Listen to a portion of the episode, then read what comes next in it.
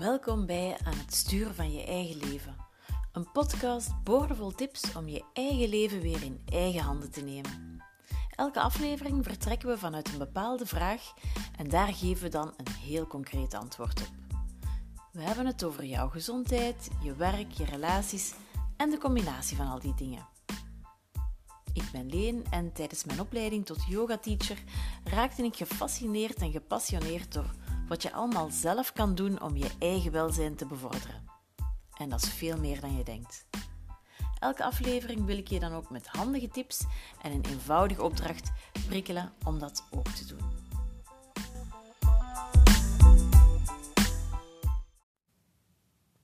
In de aflevering van vandaag gaan we het hebben over gewoontes. En dan vooral hoe je die deze keer wel kan volhouden. Ik kwam op het idee om deze aflevering te maken nadat ik deze afgelopen maandag weer hoorde over Blue Monday. Blue Monday is de derde maandag van januari en dat zou de meest depressieve dag van het jaar zijn. Een aantal redenen daarvoor. Het is uh, grijs, donker, nog altijd uh, putje winter.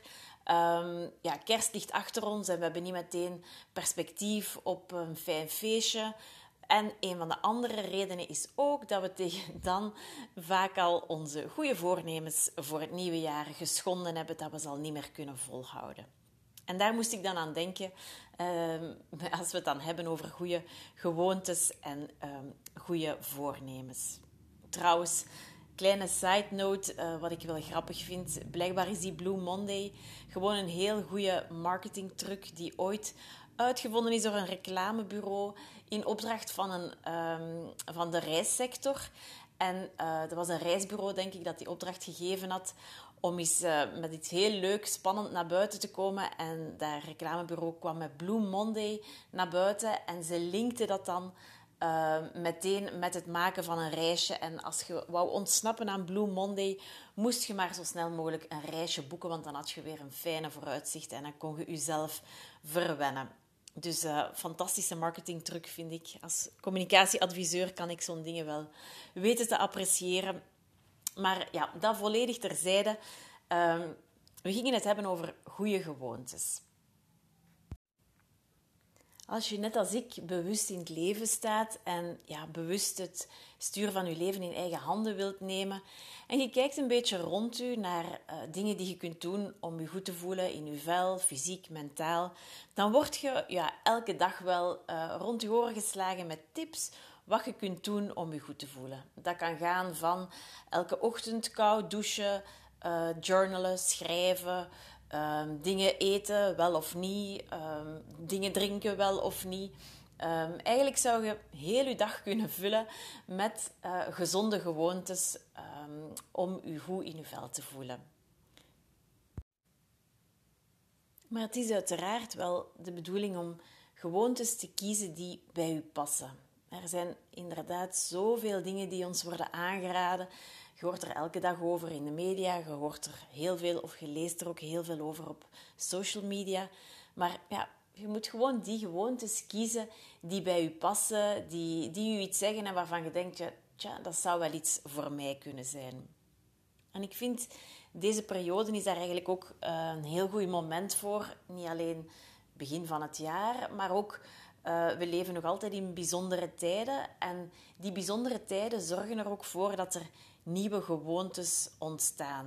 Uh, zeker de eerste lockdown, waarin we uh, toch wel heel veel zaken niet konden doen, merkte ik bij mensen rondom mij dat er nieuwe gewoontes ontstonden. Dat kon gaan van uh, dagelijks gaan wandelen, dat kon gaan van veel meer lokaal gaan uh, inkopen doen. Um, dat was heel divers. Mensen die ook plots elke dag yoga gingen doen, meer gingen bakken of knutselen. Um, ja, voilà, allemaal nieuwe gewoontes. En ja, ik vond dat eigenlijk wel boeiend toen ik daar rond mij zag gebeuren. En afgelopen zomer heb ik daar dan ook een workshop rondgegeven. Uh, dat was een workshop in het kader van corona. En dat was eigenlijk uh, de vraag die we ons de ganse voormiddag toen stelden, is... Kijk, hoe, hoe ben ik er hier nu mee omgegaan tot nu toe? En wat wil ik daarvan uh, onthouden? Want ondanks het feit dat het misschien soms moeilijk was, um, ja, vond ik het toch ook wel belangrijk om even stil te staan bij de dingen die, die um, wel mooi waren aan die eerste lockdown of bepaalde inzichten die die lockdown nu gegeven had. En dus ook zeker bij die nieuwe gewoontes. Um, zoals ik al zei, ik zag dat echt rond mij gebeuren. Mensen die uh, dingen deden die ze daarvoor niet deden en die ze best wel goed konden volhouden, net omwille van die bijzondere situatie. En in die workshop zijn we dan eens uh, in verschillende stappen gaan kijken uh, hoe dat die nieuwe gewoonte die ontstaan was, hoe dat we die konden volhouden. En daar kunt je jezelf eigenlijk een aantal vragen voor stellen. En dat zijn de hele typische wie, wat, waar, waarom en hoe vragen. En daar wil ik heel graag eens een beetje dieper met jullie uh, op ingaan. Dus ik stel voor, misschien kunt je de oefening meteen doen in je hoofd terwijl je luistert. Uh, maak het gewoon concreet. Hè. Dus neem een gewoonte die je eigenlijk graag zou willen invoeren in je leven. Of eentje die je al een tijdje aan het doen bent, maar waarvan je misschien een beetje onzeker bent of je ze wel gaat kunnen volhouden. Neem die eventjes in je hoofd en stel jezelf de vraag: wat doe ik? Dus over welke gewoonte gaat het en wat doe ik dan heel concreet? Ik ga een voorbeeld geven uit uh, mijn eigen leven. In de eerste lockdown zijn we heel vaak s'avonds wandelingetjes beginnen maken. Dus als ik dan mezelf de vraag stel, wat doe ik? Dan gaat het over een wandelingetje maken, s'avonds na het eten, met Jurgen en Flo. De volgende vraag is dan, waarom? De waarom-vraag. Waarom doe ik dit? Als ik dat dan weer toepas bij mezelf, dan gaat het erover om hè, dat wandelingetje, dat was de bedoeling om een keer buiten te komen en om uh, een beetje beweging te hebben, omdat we vaak binnen zaten, thuis aan het werk waren. Dus dat is de waarom-vraag. Je kunt dat ook voor jezelf een keer formuleren of neerschrijven. De volgende vraag is dan, hoe kan ik dat volhouden? En daar kun je ja, voor jezelf dan zaken rond formuleren. Wat kan mij helpen om dat vol te houden? Heb ik daar iets speciaal voor nodig? Um, kan ik voor mezelf daar een routine inbouwen en dat ik zeg van kijk, ik doe het misschien in de toekomst niet elke dag meer, maar ik doe het uh, elke woensdagavond bijvoorbeeld. Dus uzelf ook eens de vraag stellen: hoe kan ik het volhouden? Want als we het dan hebben over volhouden, vind ik het ook heel leuk om iets te zeggen over prioriteiten. Prioriteit is eigenlijk een fantastisch woord, want daarin zit priori en tijd. Dus het gaat er eigenlijk over waaraan wil ik mijn tijd geven? Wat vind ik zo belangrijk dat ik daar mijn kostbare tijd aan wil geven? Dus ja, ik vind dat heel tof om dat woord op die manier te gaan bekijken. Prioriteit. Waar wil ik mijn tijd aan geven? En dan de vierde vraag. We hebben al de wat, de waarom, de hoe. Is de wie-vraag. Wie kan mij helpen om mijn goede gewoonte vol te houden? En ja, die wie-vraag kun je eigenlijk beantwoorden op twee manieren. Enerzijds kun je zeggen, ja, wie kan mij helpen? Um, wie kan ik erbij betrekken? Misschien uh, in mijn geval zijn dat uiteraard Jurgen en Flo, want ik wil die wandelingetjes blijven doen. Dus als ik met hen de afspraak maak om het te doen, dan kunnen zij mij motiveren als ik er eventjes geen zin in heb en omgekeerd. Maar die wie kan ook op een andere manier werken.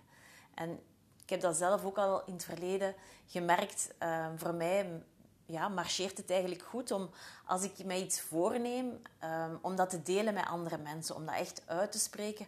Om te zeggen van, kijk, ik ga dat doen. En net omdat je dat deelt met anderen, voelt je eigenlijk ergens wel verplicht om het te doen. Anders, ja, de afgang is nabij, om het even een beetje overdreven te zeggen. Maar als je dat deelt, als je dat zegt tegen mensen, dan wilt je dat ook net omdat je dat voor hun ogen dan aan het doen bent of niet aan het doen bent, volhouden. Dus dat kan echt wel helpen uh, om het te delen. Je maakt anderen daardoor een beetje mee medeplichtig. Um, dat is de wie-vraag. En dan uh, als laatste kan je jezelf ook de wat-vraag stellen. En dat, zijn dan vooral, of dat is dan vooral de vraag: wat zijn mijn potentiële valkuilen hier? En ja, dat zijn er altijd veel. Um, de mens is een gewoontedier en het is gewoon belangrijk dat je je niet te snel laat ontmoedigen. Een valkuil kan zijn dat je als je het één keer niet gedaan hebt, dat je denkt van ja oké, is, het is voor u, het heeft geen zin meer. Terwijl ja, één keertje die goede gewoonte rateren is helemaal niet erg. Pik het gewoon terug op en ga verder. Dus in mijn geval weer over het wandelen weet ik en wist ik eigenlijk in de zomer ook op voorhand uh, de valkuil zou zijn, ja, in de winter, s'avonds is het koud, is het nat en donker. Niet, niet even aantrekkelijk om die avondwandelingetjes te maken. Dus ja, voor die winter heb ik voor mijn eigen beslist van, kijk, als we dat één keer in de week doen, is dat al heel fijn. En we doen gewoon warme kleren aan uh, en we gaan naar buiten. Dus um, voilà, het blijft wel lukken op deze manier. Dus dat is ja, een stappenplan dat je kan volgen wat um, doe je? Waarom doe je het? Uh, hoe kan ik het volhouden? Wie kan mij helpen? En wat zijn mijn valkuilen? Schrijf dan een keer neer voor jezelf of bespreek dat ook weer met iemand anders. Want als je deelt, dan uh, heb je weer een buddy met wie je het kunt delen of een medeplichtige, uh, om het zo te zeggen. En iets wat ik ja, hiernaast ook nog zou willen uh, vertellen, hè, dus naast het um, nemen en volhouden van goede gewoontes, heb ik uh, een hele tijd terug nog eens een boek gelezen, Miracle Mornings. En dat gaat over uh, ochtendroutine. Ochtendroutines zijn ja, ook gewoontes, dus ik vind dat het hier wel mooi bij aansluit. En dat was een boek, redelijk Amerikaans geschreven, want het, uh, ja, ze zeggen, of de schrijver zegt in het boek, ja, als je een miracle morning, als je een perfecte ochtendroutine hebt, dan loopt uw leven helemaal gesmeerd, uw productiviteit verdubbelt, dus het wordt, werd heel um, resultaatgedreven neergeschreven. Maar toch heeft uh, het boek mij geïnspireerd. Uh, niet zozeer omdat ik mijn productiviteit wilde verdubbelen of al mijn megadoelen wilde realiseren, zoals in het boek stond, maar wel omdat ik um, zelf al een tijdje aanvoelde dat een fijne ochtendroutine voor mij een verschil kan maken. In, de, in het boek The Miracle Mornings bestaat die ochtendroutine uit uh, een aantal verschillende elementen. Uh, ik zal ze eventjes met jullie overlopen. Eén element is het opzoeken van stilte. Een tweede element is uh, affirmatie. Een derde gaat over visualisatie. Ja, affirmatie en visualisatie Um, dat is eigenlijk het voor jezelf heel duidelijk stellen, wat wil ik? En dat ook dagelijks herhalen. Dus als dat affirmeren, uh, dat letterlijk tegen jezelf zeggen of het visualiseren, jezelf voorstellen dat wat dat je zo graag wil, dat dat gerealiseerd wordt. Dan zit daar als derde of als vierde um, ook bij oefening, beweging, iets van um, lichaam, lichaamsbeweging. Ten vijfde zit daar ook lezen of een podcast bij. En uh, als zesde schrijven. En dat zijn eigenlijk allemaal elementen die ik uh, sindsdien ook wel in mijn ochtendroutine heb opgenomen. Voor alle duidelijkheid, ik doe niet alles elke dag. Maar ik wissel een beetje af. Ik zie dat echt een beetje als... Uh, ja, ik heb mijn verschillende ingrediënten. De ene keer zoek ik stilte op door te mediteren. De andere keer ga ik schrijven, journalen in mijn dagboek. Uh, de andere keer ga ik eens iets lezen uit een boek of ik, lees, ik luister een podcast. Uh, dan beweeg ik een beetje, doe ik wat zonnegroeten, een beetje yoga. Of ga ik een visualisatieoefening doen. Dus eigenlijk elke ochtend maak ik uh, op basis van de ingrediënten die ik voor mij heb liggen maak ik mijn ochtendroutine puur op het gevoel. Dus ik zoek daar twee of drie dingen uit die op dat moment goed voelen uh, en ik probeer die te doen. De ene keer is dat een kwartier, misschien tien minuutjes. De andere keer, als ik wat meer tijd heb, uh, kan dat wel eens een half uurtje of veertig minuten duren. Dus ik ben daar ook heel flexibel in. Er zijn ook ochtenden, zoals deze ochtend bijvoorbeeld, dat we ons met z'n allen overslapen hebben. En dat het uh, ja, meteen tanden poetsen en thee uh, drinken is en uh, de dag beginnen. Dus ja, ik ben daar ook daar heel mild naar mezelf. Um, als ik dat een paar keer per week mijn ochtendroutine kan doen, ben ik al heel gelukkig. Uh. Om het nog een beetje concreter te maken, zal ik jullie eens meenemen naar wat ik gisteren als ochtendroutine deed. Dus als ik geluk heb, dan ben ik wakker voor iedereen in huis. Ik ben een ochtendmens, dus dat valt wel vaker voor.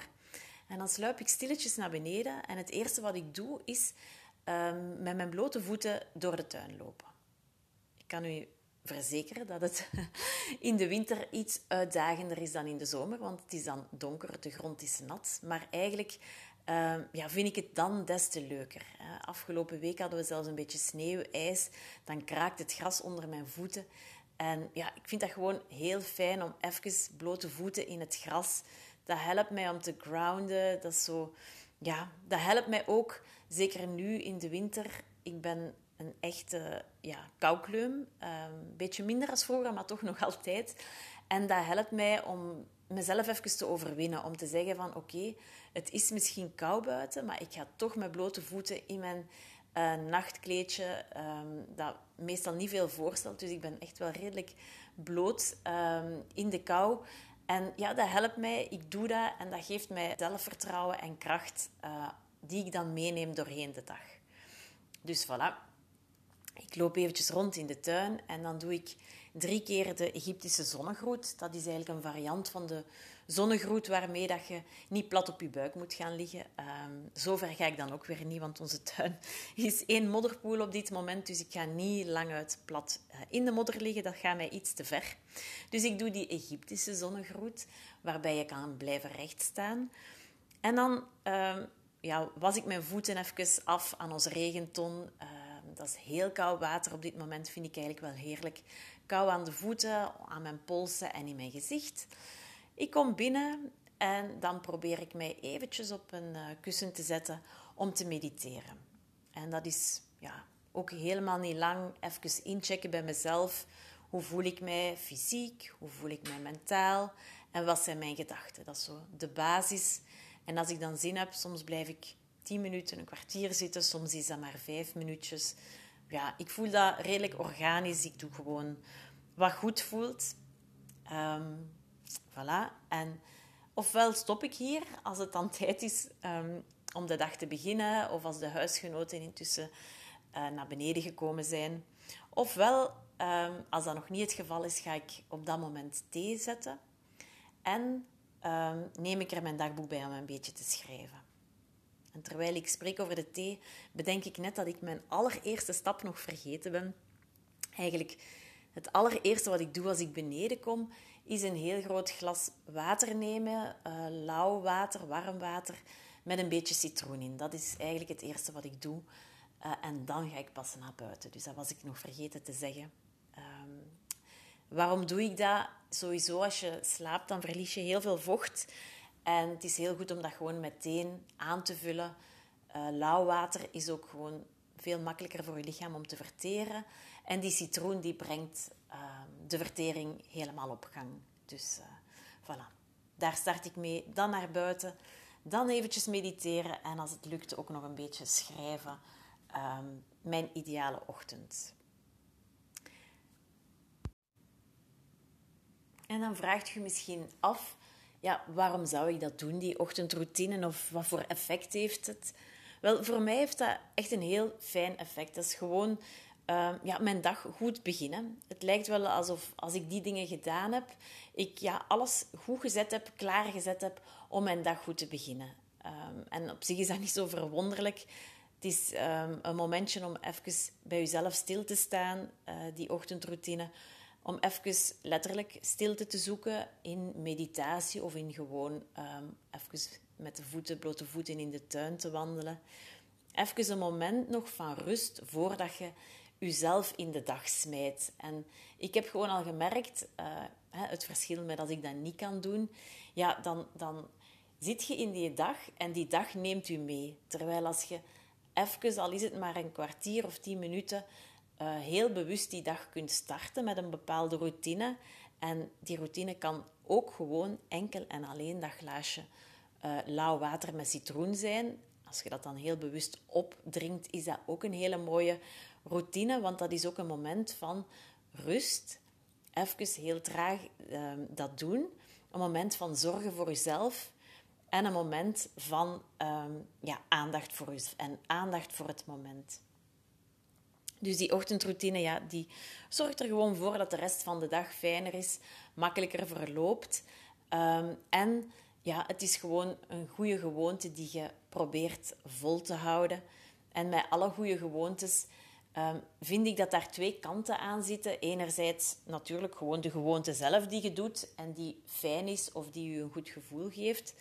Maar ook het feit Ehm, dat je die gewoonte doet, het feit dat je dat volhoudt, geeft u gewoon ook een goed gevoel over jezelf. Ehm, het feit dat ik die ochtendroutine doe, dat ik daar buiten ga, ja, dat geeft me eigenlijk een gevoel van: wauw, ik doe het toch maar. Zie mij hier nu, het is uh, aan het regenen, het is koud en ik sta hier met mijn blote voeten buiten. Ehm, soms denk ik wel, ik hoop dat de buren mij niet zien, maar zwart. ja, het geeft me gewoon een goed gevoel dat ik dat doe. En een gevoel van zelfs een beetje trots te kunnen zijn op mezelf. Dus dat is, vind ik wel, een fijne bijkomstigheid aan uh, goede gewoontes volhouden. Ja, daar zijn die twee kanten. Hè. Enerzijds het feit dat je die goede gewoonte doet en die zal sowieso um, bijdragen aan je mentaal of je fysiek welzijn. En je bent dan bovendien ook nog eens trots dat je die gewoonte aan het volhouden bent. Dus voilà, ik hoop dat ik jullie een beetje heb kunnen inspireren en motiveren. Uh, misschien helpt het wel om uh, ja, dat stappenplan eens te overlopen en uzelf die vragen te stellen van ja, wat doe ik en hoe en wat kan mij helpen om het vol te houden? Waar liggen misschien mogelijke valkuilen die ik moet vermijden? Uh, misschien kan u dat wel helpen om uh, die gewoonte die je zo graag wilt volhouden, ehm, vol te houden. En wie weet heb ik u ook geïnspireerd om die gewoonte uh, s ochtends te doen. Hè, om daar een ochtendroutine van te maken. Om meteen de dag heel goed te starten. Um, en ja, meteen alles goed te zetten om uh, uw dag in de flow te starten en verder te zetten. En ja, heel belangrijk, wat ik echt wil meegeven is... Als het één keer, twee keer, drie keer niet lukt, geef het dan vooral niet op. Um, ik heb ook weken waarin ik twee keer, drie keer die ochtendroutine rateer, om welke reden dan ook. Maar ik ga niet zeggen vanaf nu stop ik er gewoon mee, want het lukt niet meer. Nee, pik dat dan gewoon weer op op een moment dat je denkt, ja, het, gaat me, het, lukt wel of het voelt goed, ik heb er goesting in. Uh, of zoek naar een manier om het misschien iets kleiner te maken, iets minder, uh, ja, iets laagdrempeliger. Hè. Ik ga terug naar het voorbeeld van het wandelen. In de zomer was dat elke avond wandelen. En nu dat het winter is, zijn we al heel blij als we dat ene keer um, per week kunnen doen. En als uitsmijter heb ik nog een leuk weetje. Uh, ze zeggen altijd, ja, een goede gewoonte die kun je creëren in drie tot zes weken. Dus uh, voilà, zo lang duurt het eigenlijk niet voordat je met een goede gewoonte vertrokken bent. Uh, in, de ene, in het ene boek spreken ze over 21 dagen, drie weken. In andere literatuur vind je uh, de zes weken. Maar ja, in elk geval, het is eigenlijk niet zo lang dat je het moet volhouden. En dan zeg je daarmee vertrokken. En één keer dat je daarmee vertrokken bent, ja, is het een onderdeel van je leven. Dan moet je daar zelfs niet meer over nadenken. En dan spreken we zelfs niet meer over een, een, een goede gewoonte of een voornemen. Dan is het gewoon een onderdeel van je dag. En dat voelt heel fijn en dat wens ik u ook toe.